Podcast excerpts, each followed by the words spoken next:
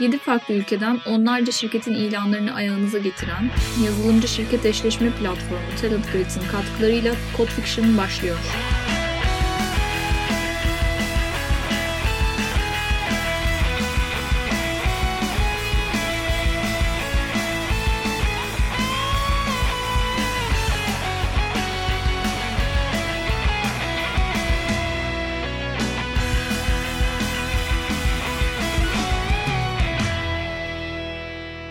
Selamlar arkadaşlar. Bugün son zamanlarda çok popüler olan bir konuyu konuşacağız. Konumuz low code, no code platformlar ve GitHub'ın co-pilot uygulaması. Aslında bu konu nereden çıktı? Pandemiyle beraber her şirket böyle az çok insanlar evden çıkamadığı için dijitale yönelmek zorunda kaldı ve ciddi bir developer kıtlığı oluştu. Bu da aslında acaba biz developerlar olmadan bu durumu yönetebilir miyiz gibi bir yaklaşım getirdi. Ama ben şuradan başlamak istiyorum. Arkadaşlar bu durum hep böyle mi devam edecek? Biz her zaman iş dünyasında şımarık çocukları mı olacağız? Abi öyle miydik ya? Yani mesela atıyorum bir pandemiden önce iş dünyasında şımarık çocuklar mıydık? Evet başlamıştı birazcık daha. Vardı yani daha bir el üstünde tutulan bir durum vardı da bu pandemiden sonra developer kıtlığıyla beraber evet ya olduk galiba. Şey ilginç değil mi? Hani şımarık çocukların geliştirdiği araçlar şımarık çocukların yerini alıyor olması biraz garip yani.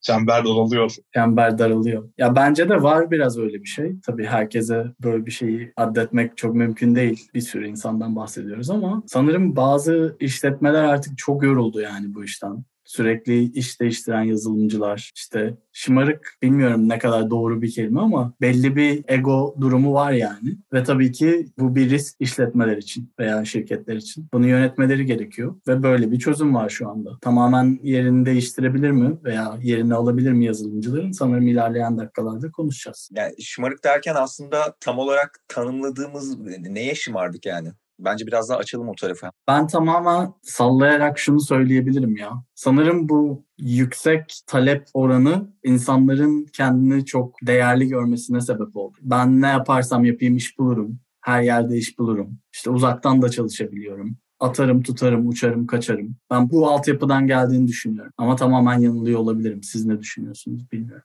Son zamanlarda bir çok fazla şeyde konuşulmaya başlandı. İşte yazılımcı olmayanlar tarafından da işte yazılımcıların işte durumları vesairesi falan hani kolay iş bulmaları, işte talep görmeleri vesaire çok konuşulmaya başlandığı için bir yandan onun da etkisi olabilir gibi geliyor bana. Bir de böyle internette falan böyle çok şey hani herkes değil tabii ki de ama böyle şey örnekler falan da hani gördük yakın zamanda. İşte kendi maaşını bilmem nesini paylaşıp işte sizin işte şu kadarlık işte maaşınız benim bir aylık maaşıma denk geliyor vesaire falan gibi şeyler de çok gördük. Hani birazcık var gibi yani bence de. Son zamanlarda da artmaya başladı sanki. Ben aslında şey hani böyle şımarıklık deyince daha çok mesela benim de şımarıklıklarım var. Küçük şımarıklıklar. Hani şu an ofise geçiyoruz desek ne yapacağım ben? Evimdeki bütün setup'ı ofise nasıl kuracağım? Şu an evimde çok güzel bir setup'ım var. Ben şımarıklık deyince mesela böyle bir şey algılamıştım aslında da. Dediğin konu ayrı. O biraz da böyle kuşak ya da ne diyeyim jenerasyon versus şirketlerin böyle ne diyeyim kompetitif olmasından dolayı ortaya çıkan bir şey de olabilir ya da bütün böyle profiline bir sürü gereksiz kısaltmalarla doldurup ondan sonra işte aslında kendisini böyle vasıflı gösterip ancak vasıfsız olanların da yaptığı şeyler de var. Ama hani tam olarak belki o konuyu da karşılayamayabiliriz burada.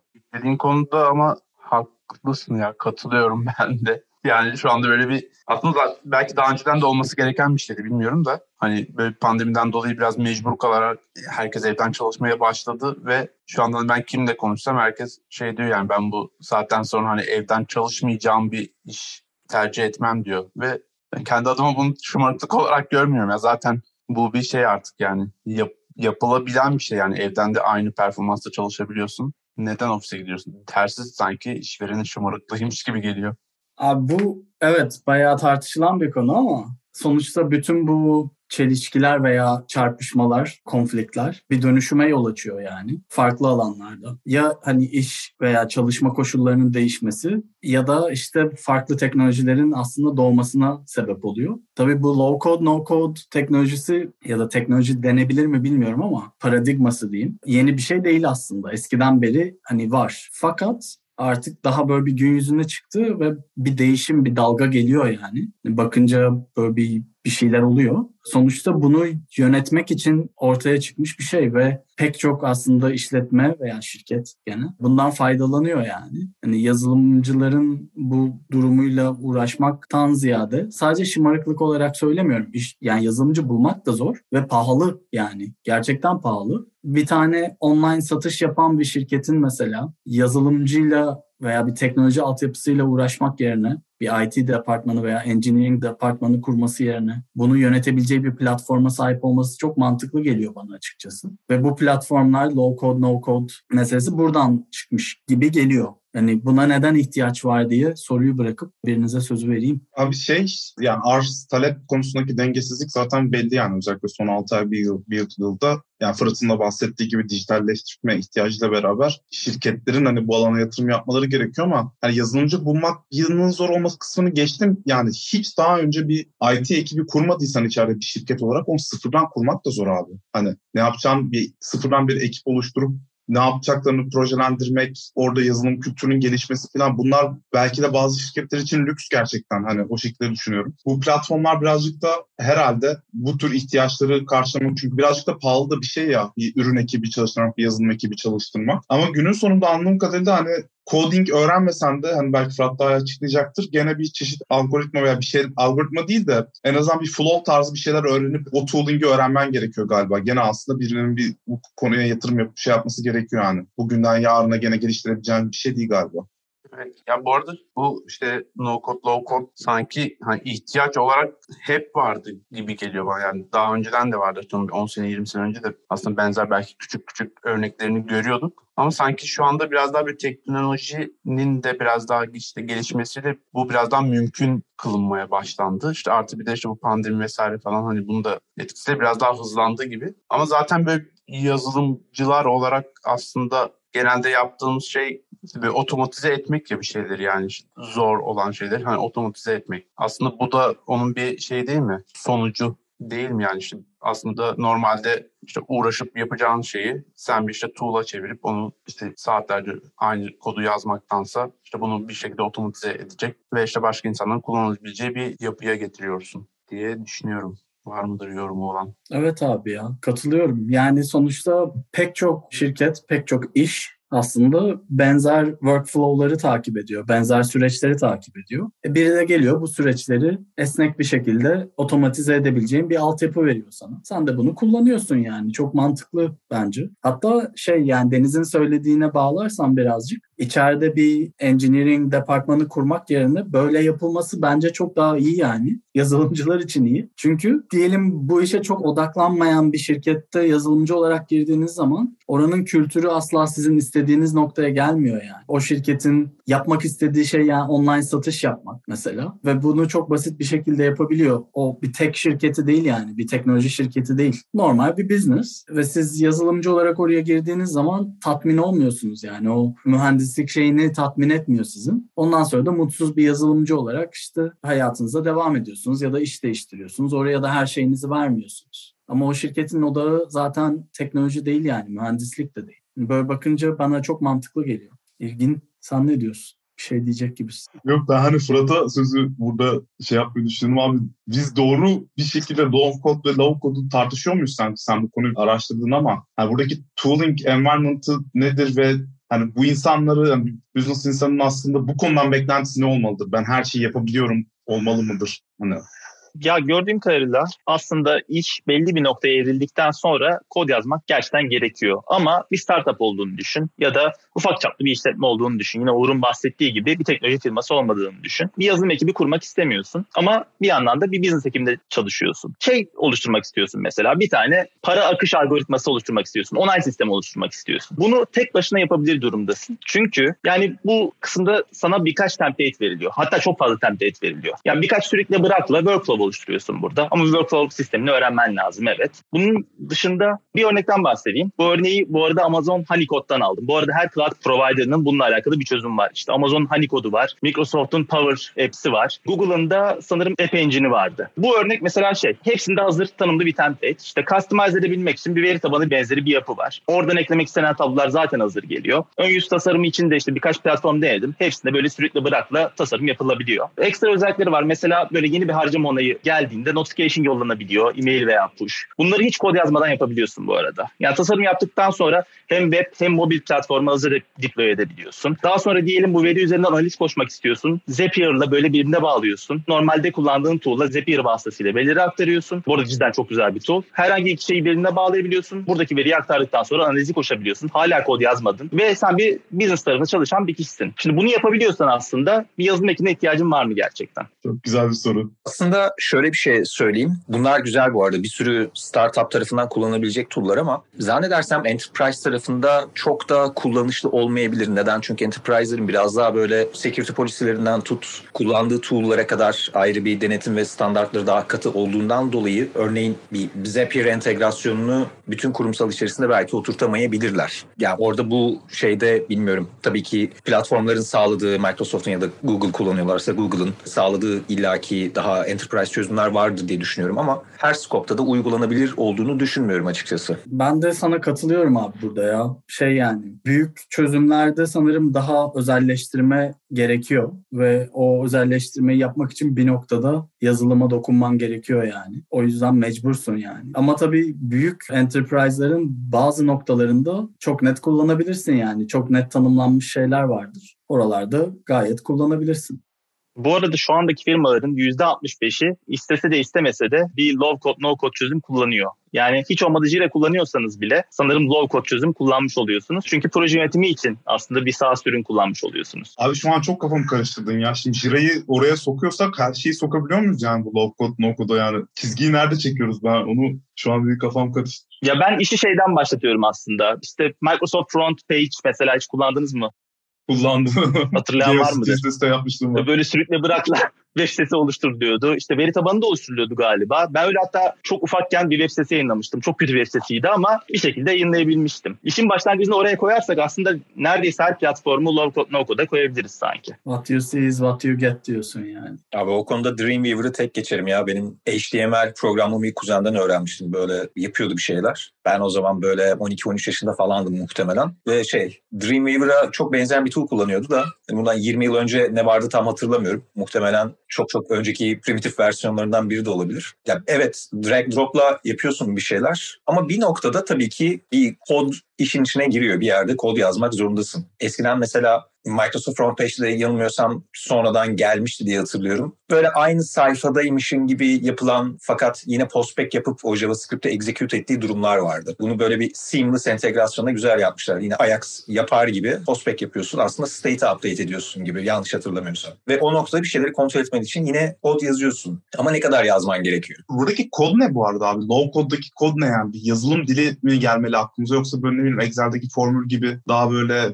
domain spesifik bir şeyler mi gelmeli yani? Oradaki coding kısmında benim kafam karışıyor. Ya platforma göre değişiyor ama bir scripting language gibi düşünebiliriz. Yani her hmm. platformun farklı bir dili var. Sonuçta kullandığı farklı bir domain yapısı var. O sürükle bırakla oluşturduğun sistemlerin, workflow'ların farklı bir isimlendirme standardı var. Oralarda araya girebileceğimiz yerler gibi düşünebiliriz. Bir kod yazılıyor aslında ama o tool'a özel bir kod yazıyorsun yani şey biraz da işte domain spesifik bir dil kullanmış oluyorsun. Ve buradan galiba yeni bir rol çıkıyor citizen developer diye, e, vatandaş geliştirici diye. Ben bu kavramı çok sevdim aslında. Hani yazılım altyapısı olmayan, neredeyse kod yazamayan ama low code, no code platformları öğrenip bir şeyler geliştirebilen insanlara deniyormuş citizen developer. Bence bu şuradan geliyor. Şey var eski Yunan şehir devletlerinde citizen soldier diye bir şey var. Yani çok böyle detaylı girmiyorum ama bu şehir devletlerinde Sparta hariç aslında bütün şehir devletleri sektöründe herkesin iş gücü var. Çiftçi, tüccar, işte ne bileyim orada başka başka işlerle uğraşıyorlar. Savaş zamanı abi yılda bir tatbikat yapıyor bunlar. Savaş zamanı bir araya gelip savaşa gidiyorlar mızraklarını kalkarlarını alıp. Hani ihtiyaç varsa asker oluyorlar. İhtiyaç yoksa kendi işlerini yapıyorlar zaten. Oradan gelmiş galiba bu kavram. Hoşuma gitti Citizen Developer.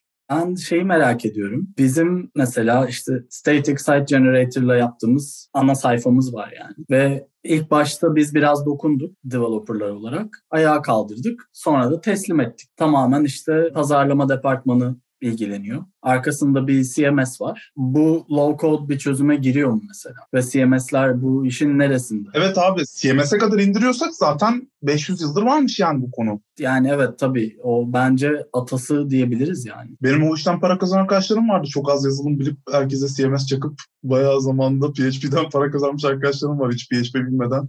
Abi WordPress yani WordPress. PHP'nin ölmemesinin sebeplerinden biri yani WordPress sonuçta. Hani bana kalırsa şey biraz ataları ama tabii oradaki o akışı, business workflow'u falan ayarlaması o kadar kolay değil. Hani yani içerik yönetim sistemiyle bir iş akışını aynı kefeye koyamazsın. Az önce Fırat'ın anlattığı çözümde biraz daha sanki şey yani gerçekten böyle biz development yaparken işte bir şeyler ortaya çıkarıyoruz onu deploy ediyoruz. Deploy edildikten sonra işte ilgili platformlara işte paketler çıkarılıyor vesaire falan. Diğer işte CMS ya da işte atıyorum front page benzeri şeylerde bu kadar böyle şey yok aslında ayrıntı yok. Yani şu anki benim anladığım böyle low code, no code dediğimiz platformlar biraz daha şu anda işte bizim böyle yazılımcılara ihtiyaç duyularak yapılan şeylerin işte atıyorum mesela bir işte web sitesi bir şey yapacağım ya da bir tool yapacağım. O tool'u o bana verilen tool ile yapıyorum. Tabii ki de onun sınırları dahilinde. Daha sonra onu gerçekten bir versiyon olarak deploy ediyorum ve kullanılmaya başlanıyor.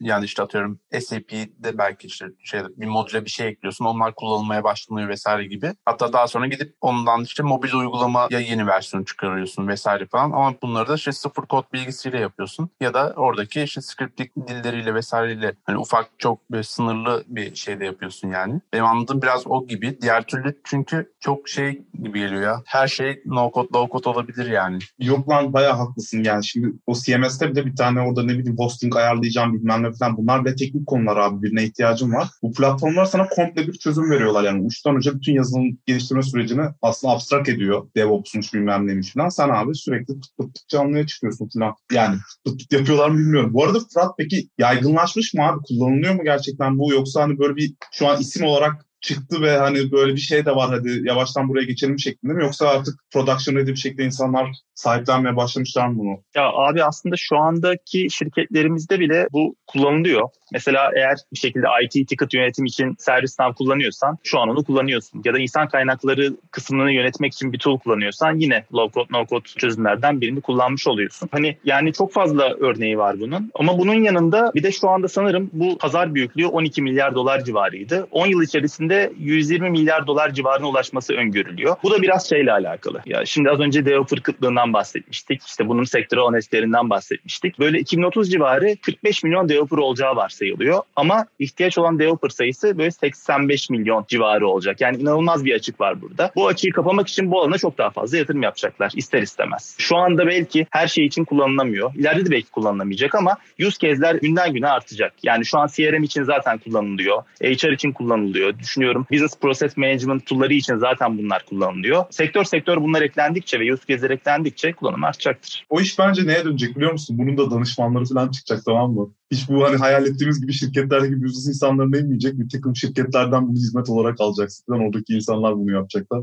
Sonra SAP gibi bir sürü para ödeyeceksin gibi hissetmeye başladım ben şu an gidişatını. Orada bir rant gördüm ben çünkü. Abi eğer öyleyse şeyi tartışmak çok mantıklı değil mi ya? Return of investment yani. Yazılımcıyı da danışman olarak alabilirsin. Bu işi yapan insanları da danışman olarak alabilirsin ama oradaki hani geri dönüş nerede oluyor? Belki yazılımın bakım maliyeti çok düşük oluyordur yani. En kıymetli noktası o olabilir. Bakmıyorsun yani yazılıma. O çalışıyor. O satın aldığın platform senin için o bakımı yapıyor vesaire. Bilmiyorum. Ben yükseldim ya. Ben hani mesela içeride çünkü şimdi tamam her şirkette zaten ya teknoloji şirketi olan şirketler zaten bir domainin var. İşte e-ticaret olur bizimki gibi yerel servis sağlama gibi şeyler olur. Bunlarla zaten ürün ekipleri, developerlar ilgileniyorlar ama business ekiplerinin de gene bir sürü hani bu back office işte entegrasyonlar şuradan şunu alalım, şuraya datayı alalım, hepsini toplu olarak görelim gibi ihtiyaçları oluyor. Ve genelde mesela ürün ekiplerinden buraya mesela kaynak aktarılamıyor. Aktarmak da istemiyorsun çünkü ürün geliştirmek istiyorsun sen. Oralar hani birazcık daha şeyde kalıyor. Mesela bence birinin alternatifi gibi değil gibi geliyor bu bana. Çok basit değil de bu tür entegrasyon şeylerini business insanların ihtiyaçları olan oradan veriyi al şuraya koy analizini yap şöyle ufak bir application'a çevir gibi şeyler için kullanılabilir gibi geliyor. Yani bir tooling gibi hayatımıza katılacak sanırım bu önümüzdeki şeylere daha fazla. Ya şeyler var mesela hani ETL süreçlerinde yine ya da ELT süreçlerinde de kullanılan AWS Glue, Athena gibi servisler var. Bunlar da aslında o zaman low code olarak değinilebilir ki Transformer tarafında ya da Extractor tarafında belki yine kod yazabiliyoruz, customize edebiliyoruz. Ancak bu da aslında oradaki belki developer'ın hiç ETL sürecinde bir bilgisi olmadan aynı platformu servis olarak kullanarak senin datanı alıp transform edip başka bir atmayı yine aslında mapping yaparak sağlayabiliyor. Ki bu yaygın da kullanılıyor aslında. Burada Shadow IT diye bir kavram var. Hiç denk geldiniz mi? Böyle gölge IT. Aslında bir yazılım ekibi var gerçekten. Ama business tarafı da yazılım ekibinle alakalı bir şey istiyor. Yapılmıyor diyelim. Kendi yapmak istiyor. Böyle bir platforma yöneliyor. Burada oluşturduğu çözüm gölge IT çözümü gibi bir şey oluyor. Derin devlet. Burada bazı problemler var tabii. Çünkü ortada bir standart olmadığı için burada veriler kaybolabilir. Veriler çalınabilir. Bir zaman kaybı oluşabilir. Bir de yatırım kaybı oluşabilir tabii. O yüzden gölge IT çok istenmeyen bir kavram olarak karşımıza çıkıyor. İlginç. Burada tabii sponsorumuzdan bahsetmek gerek aslında. Hani yazılımcılar tamamen yok olmayacaklar yani bu kesin bilgi. hani bu low code no code platformlarını geliştirecek yazılımcılar da lazım. Ya da o business'ı bilen ve teknik insanlara ihtiyaç var. Ve tabii ki daha büyük enterprise şirketlerde yazılımcılara da ihtiyaç var. O yüzden Talent Grid'e bakmanızı öneririm. Talent Grid yazılımcılarla şirketleri buluşturan bir platform. Sizin tek steğinize göre, aradığınız kültüre göre sizi onunla uygun firmalara yönlendiriyor ve işe alım sürecini sizle beraber yönetiyor. Mutlaka göz atmanızda fayda var diyebilirim. Abi şey beni çok ilgimi çekti. Yani bir istatistik verdin ya Fırat. 2030'a kadar 85 milyon yazılımcı gerekiyor ve o zamana kadar bile 45 milyona çıkabiliyoruz. Ya şunu düşünüyorum. Bizim hani yazılıma başladığımız tarihlerle şu an ki dönem arasında da yazılımcıdan beklentiler için şey var. Farklar var onları görüyoruz yani giderek daha farklı bir yazılımcı tipi ortaya çıkıyor. Ben 2030'u bundan 8 sene sonrasını pek öngöremiyorum. Yani gerçekten yazılımcı ne yapacak? Bu low code, no code falan bir yandan o gelip bir yandan yazılımcı abi ortada buluşulacak mı? Yani yazılım geliştirme nasıl bir şey olacak siz öngörebiliyor musunuz abi? Ben yani şeyi öngöremiyorum teknolojinin gittiği yer, yapay zekanın gelişmesi falan. Hani ne yapacağız biz gerçekten? 10 sene sonra hakikaten aynı buradan işte bir konteyner çekeyim, orada mikroservisler koysun, veri tabanından okusun, yazsın gibi şeylerle devam mı edeceğiz? Daha farklı bir yere mi gidiyor dünya? İşte bu meta falan gibi şeyler çıktı. Ben öngöremiyorum abi. 10 sene sonra ne yapacağımızı öngöremiyorum açık konuşmak gerekirse. Abi 2014'te öngörebildin mi bugünleri? Merak ediyorum. Hayır. Ya, ya ne oldu abi? Cloud daha çok yaygınlaştı veya işte bu tür işte Kubernetes gibi sorunlar şeyler çıktı. Yani developerların tooling'i art çok mu küçülse yani birazcık tamam değişti olay ama gene ortada bir business requirement da var. Onları implemente ediyoruz. CI/CD geldi mesela. CI/CD şeyleri geldi. Bunları artık otomate etmeye, daha fazla şey otomate ediyoruz. Daha fazla ürün geliştirmeye odaklı belki çalışabiliyoruz. Çünkü çok fazla Lego parçası var aslında bizim de elimizde. Onları birazcık birleştiriyoruz falan ama günün sonunda gene business requirement'ları karşılayan şeyler yapıyoruz. Yani o açıdan bakarsak bence 10 sene sonra da onu yapacağız ama nasıl yapacağız? Elimizde nasıl toolingler olacak? Hiç öngöremiyorum. Abi zaten bütün bu söylediğin şeyler daha hızlı ve daha efektif bir şekilde ürün geliştirmek için, business requirement'ları yerine getirmek için olduğu için bence burada da çok benzer şeyler olacak yani. Hani bu low code olur, no code olur veya co-pilot olur bilmiyorum hakikaten ne olacağını. Ama kesinlikle bu yönde olacağı çok açık yani. Tam böyle şey gibi oldu ya. İnternet hiçbir işe yaramayacak falan diyen adamlar var ya 30 yıl önce söylemiş falan. Yani sonunda birileri şey yapacak o işte business requirement'larını yerine getirecek bir takım insanlar olacak. O insanlar yazılımcı da olabilir ya da işte bu no code low code platformlarına hakim olan insanlar işte orada script yazabilen insanlar da olabilecek büyük ihtimalle. Ama ben çok öngöremiyorum ya yani yazılımcılar olarak ne tür tool'lar vesaire falan kullanacağız. Çünkü yani bundan 10 sene öncesiyle şimdiki arasında bayağı fark var ki teknoloji artık çok daha hızlı ilerliyor. O yüzden bir 10 sene daha sonrasında çok farklı şeyler konuşuyor olabiliriz yani. Bir 10 sene sonra açıp bir dinlemek lazım bu podcast'i. Abi mesela şu olacak mı? Fırat hani bir takım template'lerden bahsetti ya low code'da falan hani seçiyorsun. İşte atıyorum basit bir e-ticaret sisteminin falan bir şeyi geliyor veya başka bir sistemin template'i geliyor. Özelleştiriyorsun kendine göre. Mesela sizin şu an bin kişiyle geliştirdiğiniz Trendyol bir düşünsene ileride template oluyor. Bana bir Trendyol yap. Diyorsun hani bari bize de geliyor Armut'tan. Bize bir Armut lazım, bize Facebook lazım gibi şeyleri falan geliyor böyle. O hale gelecek mi yani olay? Tak bir anda kaldıracak hayvan gibi e-ticaret sisteminin deposundan şeyine kadar bir uçtan. Yani şu anda şey yapabiliyorsun işte hazır neydi o script dilin ya Terraform. Yani Terraform'da mesela sana hazırlanmış scriptlerle işte belki bir e-ticaret sisteminin bütün şeylerini ayağa kaldırabilecek infrayı ayağa kaldırabiliyorsun yani işte bir iki dakikada üç dakikada. Bence şey de olur yani zaten işte bu e-ticaret altyapı sunan sistemler de var şu anda. İşte onlar biraz daha geliştikçe adam şey diyecek yani sana bence böyle template'lar vesaireler sunup işte sen ne satmak istiyorsun bilmem böyle seçe seçe ilerleyeceksin. Al sana e-ticaret siten hazır.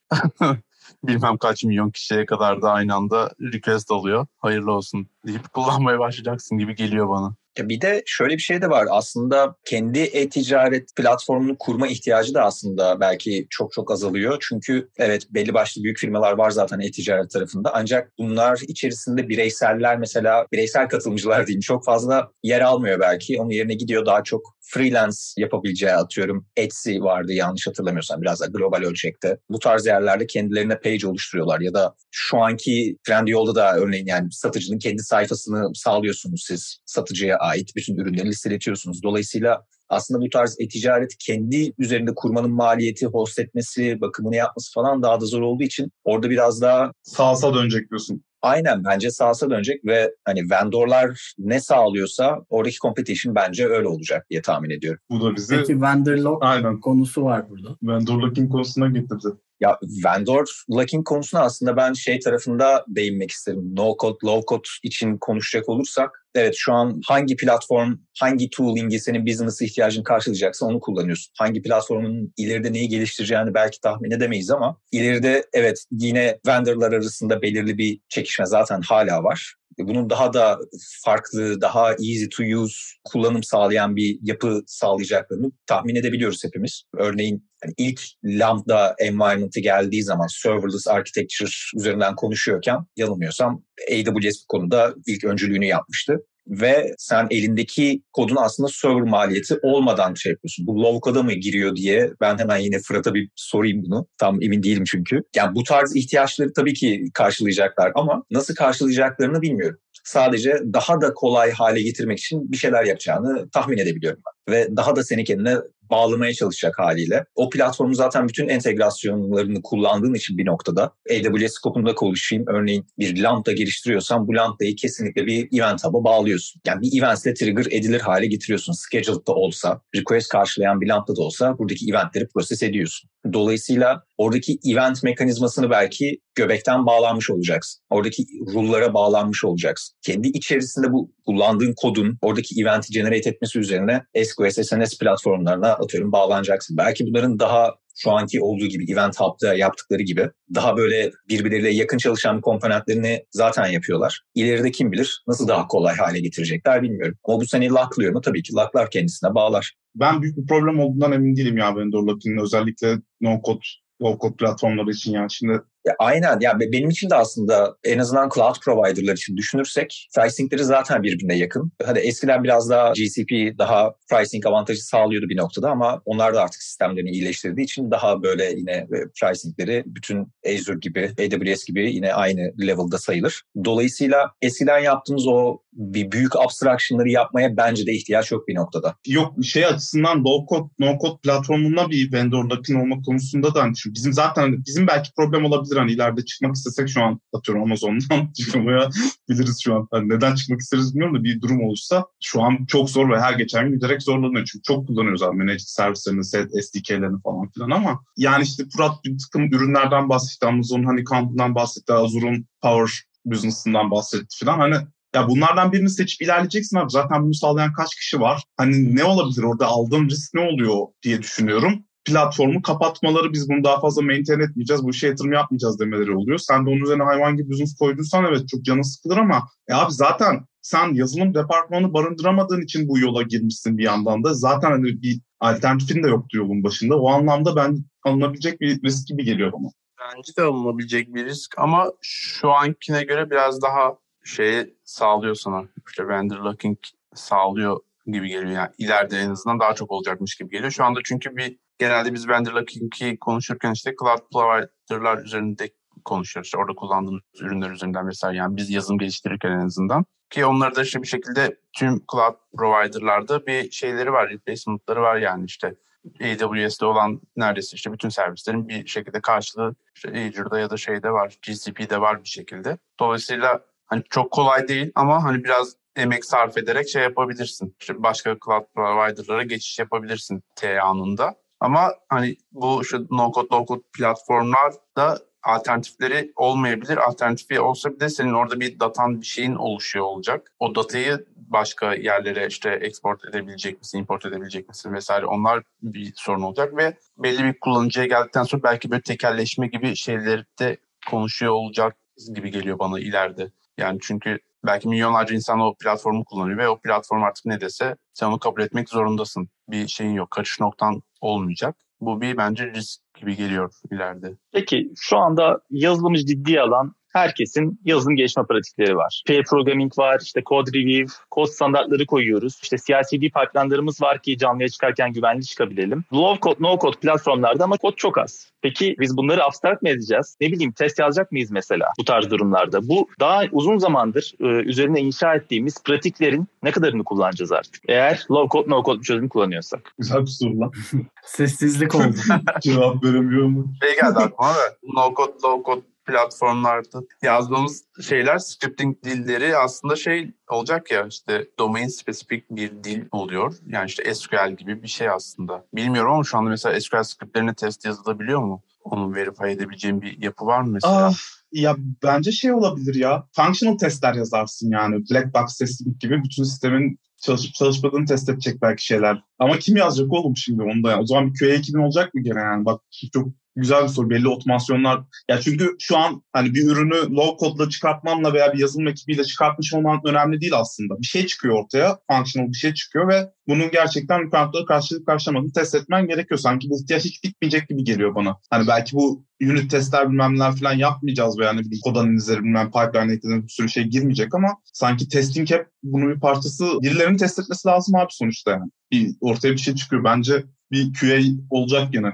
Bence bizlik bir durum olmayacak ya. Eğer o kadar işler ilerlerse o akışları geliştiren insanlar onu test etmenin bir yolunu bulacaklar yani. Ya canlıda ya işte bir sandbox ortamında vesaire. Bence Gerkin çok güzel olur. Gerkin de güzel test edilebilir yani o akışlar. Eğer o şekilde bir test yazılmak isteniyorsa. Ama bence de unit testlik bir durum kalmayacak ortada. Çünkü o yazılımın zaten ana komponentleri o vendor tarafından sana sağlanmış olacak yani. O vendor o testleri yapıyor olacak zaten yani. O yüzden senin o unit testi yazmana gerek olmayacak yani. Ki öyle bir kavram da kalmayacak bana kalırsa. Eğer bu business expertler bu işi yapacaksa zaten teknik olarak o kadar alt seviyeye inmeyecek olay yani. Zaten bütün hani mesele o. Ya bu arada şu anda bazı automated test çözümleri de geliştiriliyor. Böyle low code, no code için özel olduklarını söylüyorlar. Hani aslında normal yazılım, şu anda yazdığımız yazılımları da test edebileceğimiz platformlar ama yine sürükle bırakla aslında Selenium testleri oluşturabileceğini iddia eden ve bunun karşılığında para isteyen platformlar var. İşte Parasoft.com ve House Labs.com'a denk geldim orada. E, tabii bunlar belli bir ücret karşılığında bunu yapıyor ama yine kod yazmadan test kısmını da business kişileri, citizen developerlar yapabilir gibi duruyor ileride. Çok iyiymiş. Ama yine benzer pratikler yavaş yavaş sizin developerlar tarafından uygulanmaya başlanacak. Anlıyorum. Daha sonra code review gelecek belki. Bir yere kadar no code, low code'a gelip daha sonra tekrar bu sizin developerlar da yazılımcılar gibi kod yazmaya mı başlayacak acaba? Ya da işte aslında bu da en başta konuştuğumuz bizim şımarıklığımız olabilir mi? Hani ben daha az kod yazmak istiyorum. İnsanlar da daha az kod yazsın istiyorum. Dolayısıyla bütün bunları karşılayacak bir platform geliştiriyorum. Bu platform bir süre maintain ettikten sonra herkes kod yazmadan bir şeyler yapabiliyor. Ama bir noktada bu döngü tekrardan Barış'ın dediği gibi bir yerde işin içine kod yazmaya giriyor ama kod yazmak istemiyorsun gibi bir loop'a mı sokacak bilmiyorum. Yeni şımarık çocuklar citizen developerlar oluyormuş 10 sene sonra artık. Abi orada kodun ne olduğunu bence tartışmak lazım. Ya kod yazmak dediğimiz şey ne yani? Hani illa bir programlama dili mi yoksa sonuçta kod yazmak dediğin şey belli bir problemi çözmek için belli bir algoritmayı bilgisayara instruct ediyorsun. O da senin için yapıyor yani. Sonuçta evet. atıyorum pseudo bir programlama dili de geliştirilebilir yani. Veya AI ile bir tane dil interpreter'ı geliştirip işte NLP ile vesaire dümdüz yazıp bayağı text yani. Onu business'a da çevirebilirsin yani. O yüzden kod yazmak hani burada ne sorusunu bırakmak lazım bence. Ucu açık. Kod yazan kod. Kod yazan kod. Oraya da geleceğiz ya. Co-pilot'u da konuşacağız. Doğru. Ama şeyi de merak ediyorum ya. Ölçeklenme işi nasıl olacak yani? Hani autoscaling bu işi komple çözüyor mu? Bu platformlar yani, mı? Abi benim nasıl? anladığım full serverless bu. Bayağı hiç ortada hiçbir şey yok ki senin manage ettiğin server bir şey falan yok. Veri tabanları bilmem ne her şey o sana bunu sağlayan provider oluşturuyor. ve bence scaling bir problem değil. Parasını ödedikten sonra gibi hissettim ben yani. Bir polisler koyacak mısın tabii. Polisi koymak için birazcık daha teknik olmak gerekiyor mu? Hani şura şu kadar scale olsun şu şartlar altında ama sanki tamamen yönetimini onun şey üstlenecek. Yani sana ben 1 milyon request'e gelse dakikada ben bu platformun çökmeyeceğini sana garanti ediyorum bir şeye gelecek bir konu hissediyorum. Orada şeyi falan karşılayabilecekler mi acaba? İşte bir anlık bir anda işte sen bir reklam yapıyorsun ve işte gece 12'de bana işte gelin inanılmaz kampanyalar var diyorsun. İşte o anda işte 1 milyon kişi siteye geldiği ve hemen scale olabilecek mi yani o sistem acaba? Yine birilerinin ya da önden şey mi yapması gerekecek işte? SLA verecekler abi. Yani böyle yoksa olmaz ki yani. Yani şu an işte auto scaling'in bir problemi ya bu. Çok hızlı şekilde scale olamıyor yani. İlla ki oradaki bazı kullanıcıları şey yapmış oluyorsun, mutsuz etmiş olacaksın yani. O yüzden önden scale ediyor insanlar. Bunun belki işte şeyi de verebilirler gerçi yani onu düşünen adam şey de yapıyor olabilir yani. Hani scale etmenin içinde belki bir yöntem bir şey de veriyor olabilirler tabii ki de. Ya orada bir noktada sen host etmediğin için aslında host etmediğin bir şeyi nasıl scale edersin sorusunu ben yine soracağım. Çünkü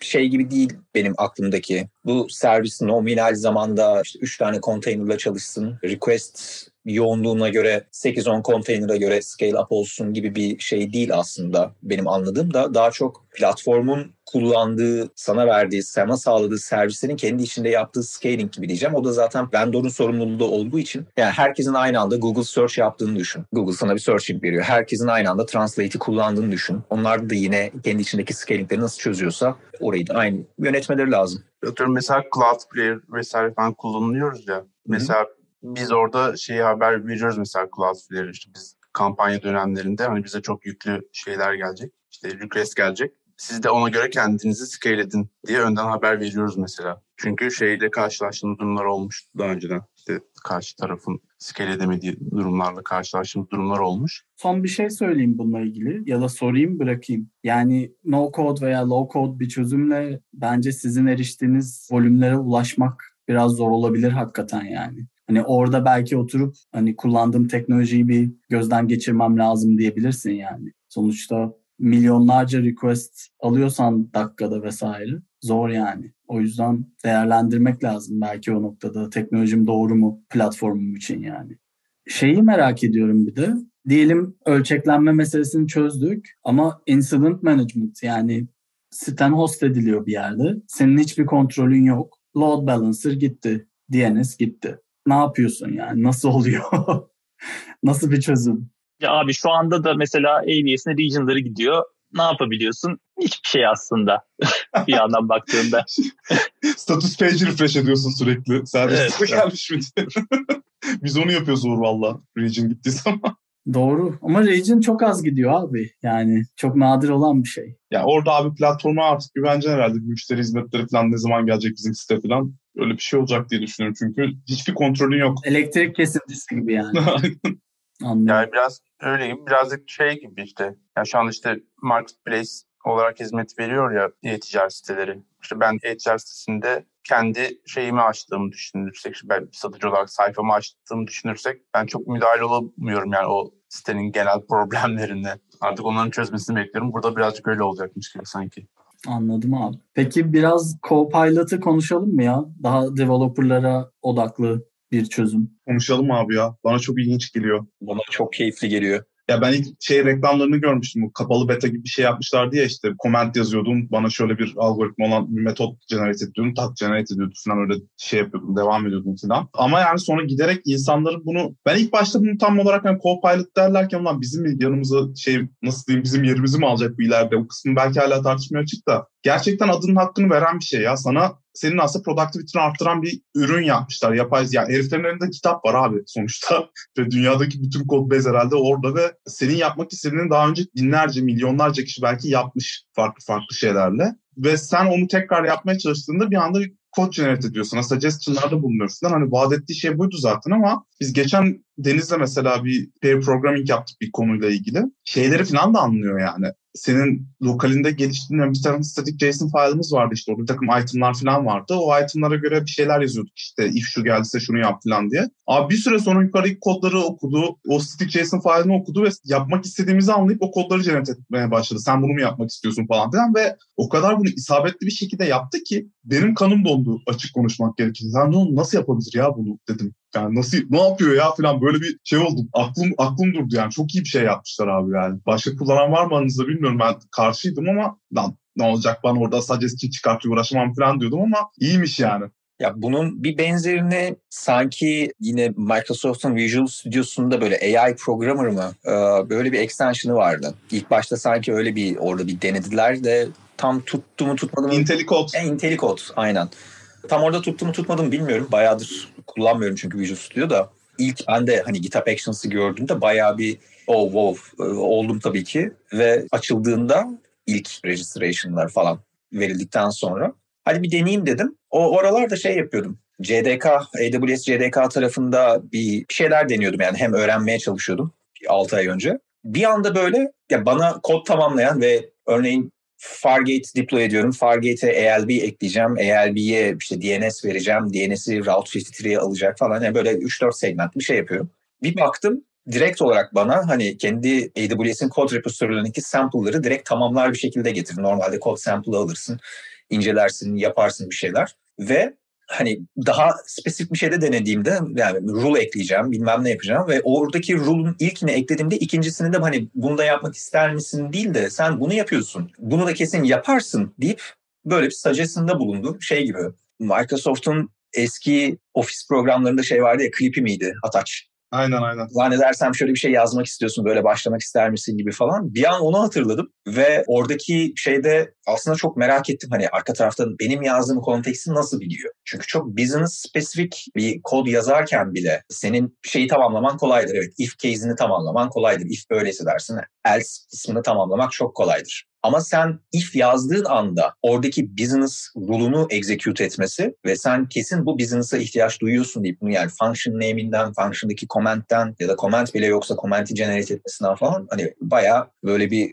karşımda uzaylı bana bütün kozmosu anlatıyormuş gibi hissettim. Güzel bir deneyimdi yani. Güzel bir pair programming şeyi yapıyor seninle. Yani öğretiyor da bayağı. O yüzden tavsiye ederim herkese. Ama öğreniyor da işte. Bayağı tüyler ürpertici ya. Ben şeyi merak ediyordum. Aslında biraz değindin Deniz. Bu öğrenme meselesi. Yani eskiden işte IDE'ler bu kadar gelişmemişken işte Notepad'de kod yazan kişiler vardı ve işte biz Notepad'de yazıyoruz acı falan diyorlardı. Şimdi artık IDE'siz kod yazmak çok zor yani mümkün değil neredeyse. Copilot'ta da hani öğrenme süreci nasıl olacak? Yani bir çünkü bir kas hafızası var ya yazılımı geliştirirken artık alışıyorsun ve onu çok otomatik yazmaya başlıyorsun. Ama bu tool senin için bayağı kod generate ediyor yani tamamlamıyor. Generate ediyor. Business'ı da biliyor. Business rule'unu da generate ediyor. Sen abi yazılımcı olarak nasıl öğreneceksin o zaman yani bunu kendin yapmadan? Aslında güzel soru. Neden? Çünkü seni hazıra alıştırıyor gibi. Hani e, dediğin gibi Notepad'de benim üniversite zamanında sınavlarda kodları kağıda yazıyorduk bildiğin.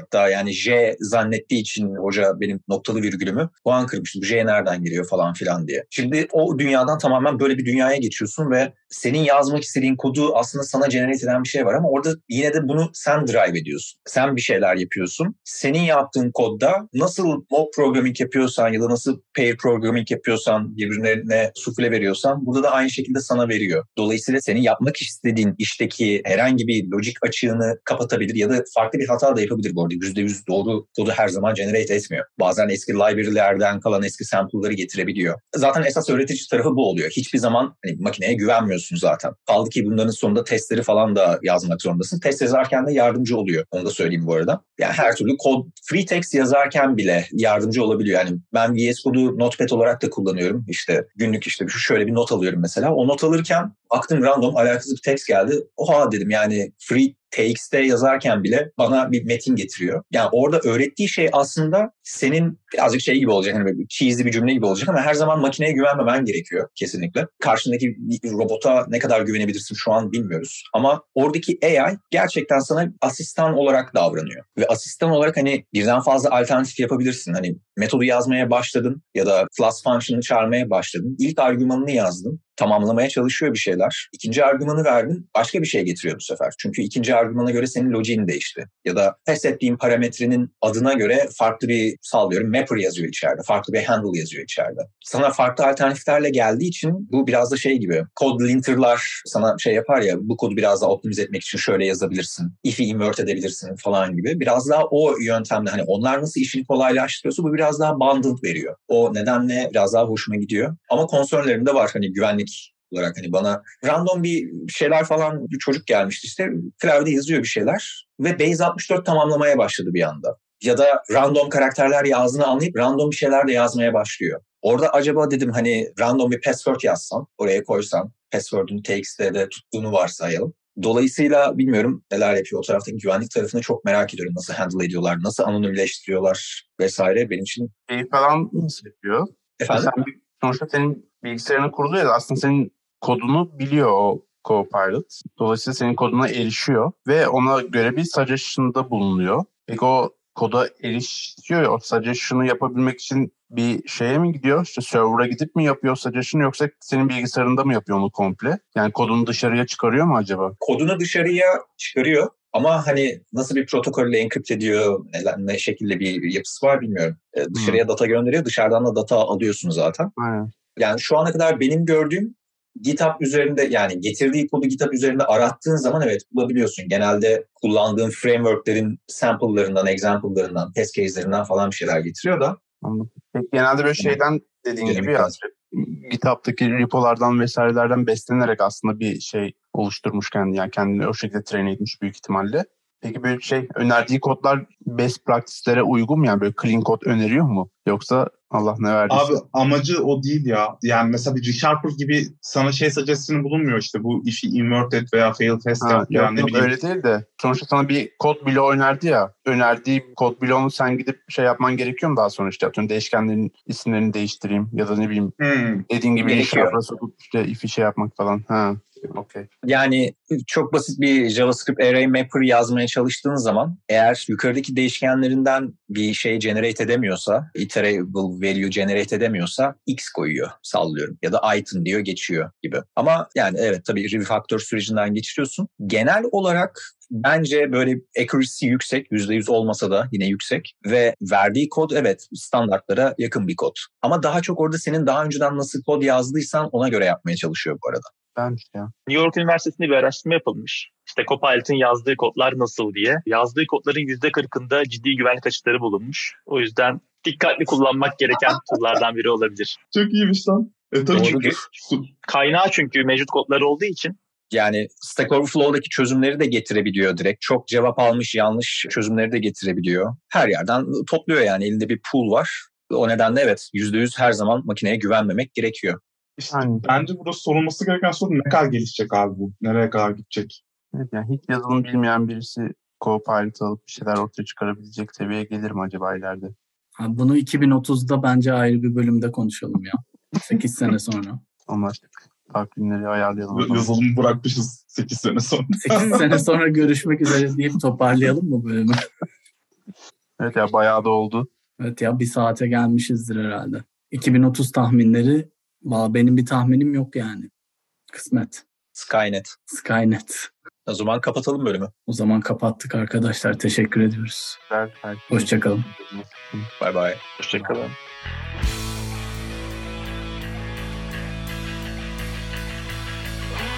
Aktif olarak iş aramıyor olabilirsiniz. Yine de Türkiye, Almanya, Fransa veya İngiltere gibi birçok ülkeden şirketin yazılımcı ilanlarından haberdar olmak istemez misiniz? Hem de bunu piyasadaki yüzlerce iş ilanını gezmeden yapabilmenizin bir yolu var. Yazılımcı şirket eşleşme platformu olan Talent Grid'in geliştirdiği çözüm ile bu süreç yazılımcılar için çok kolay.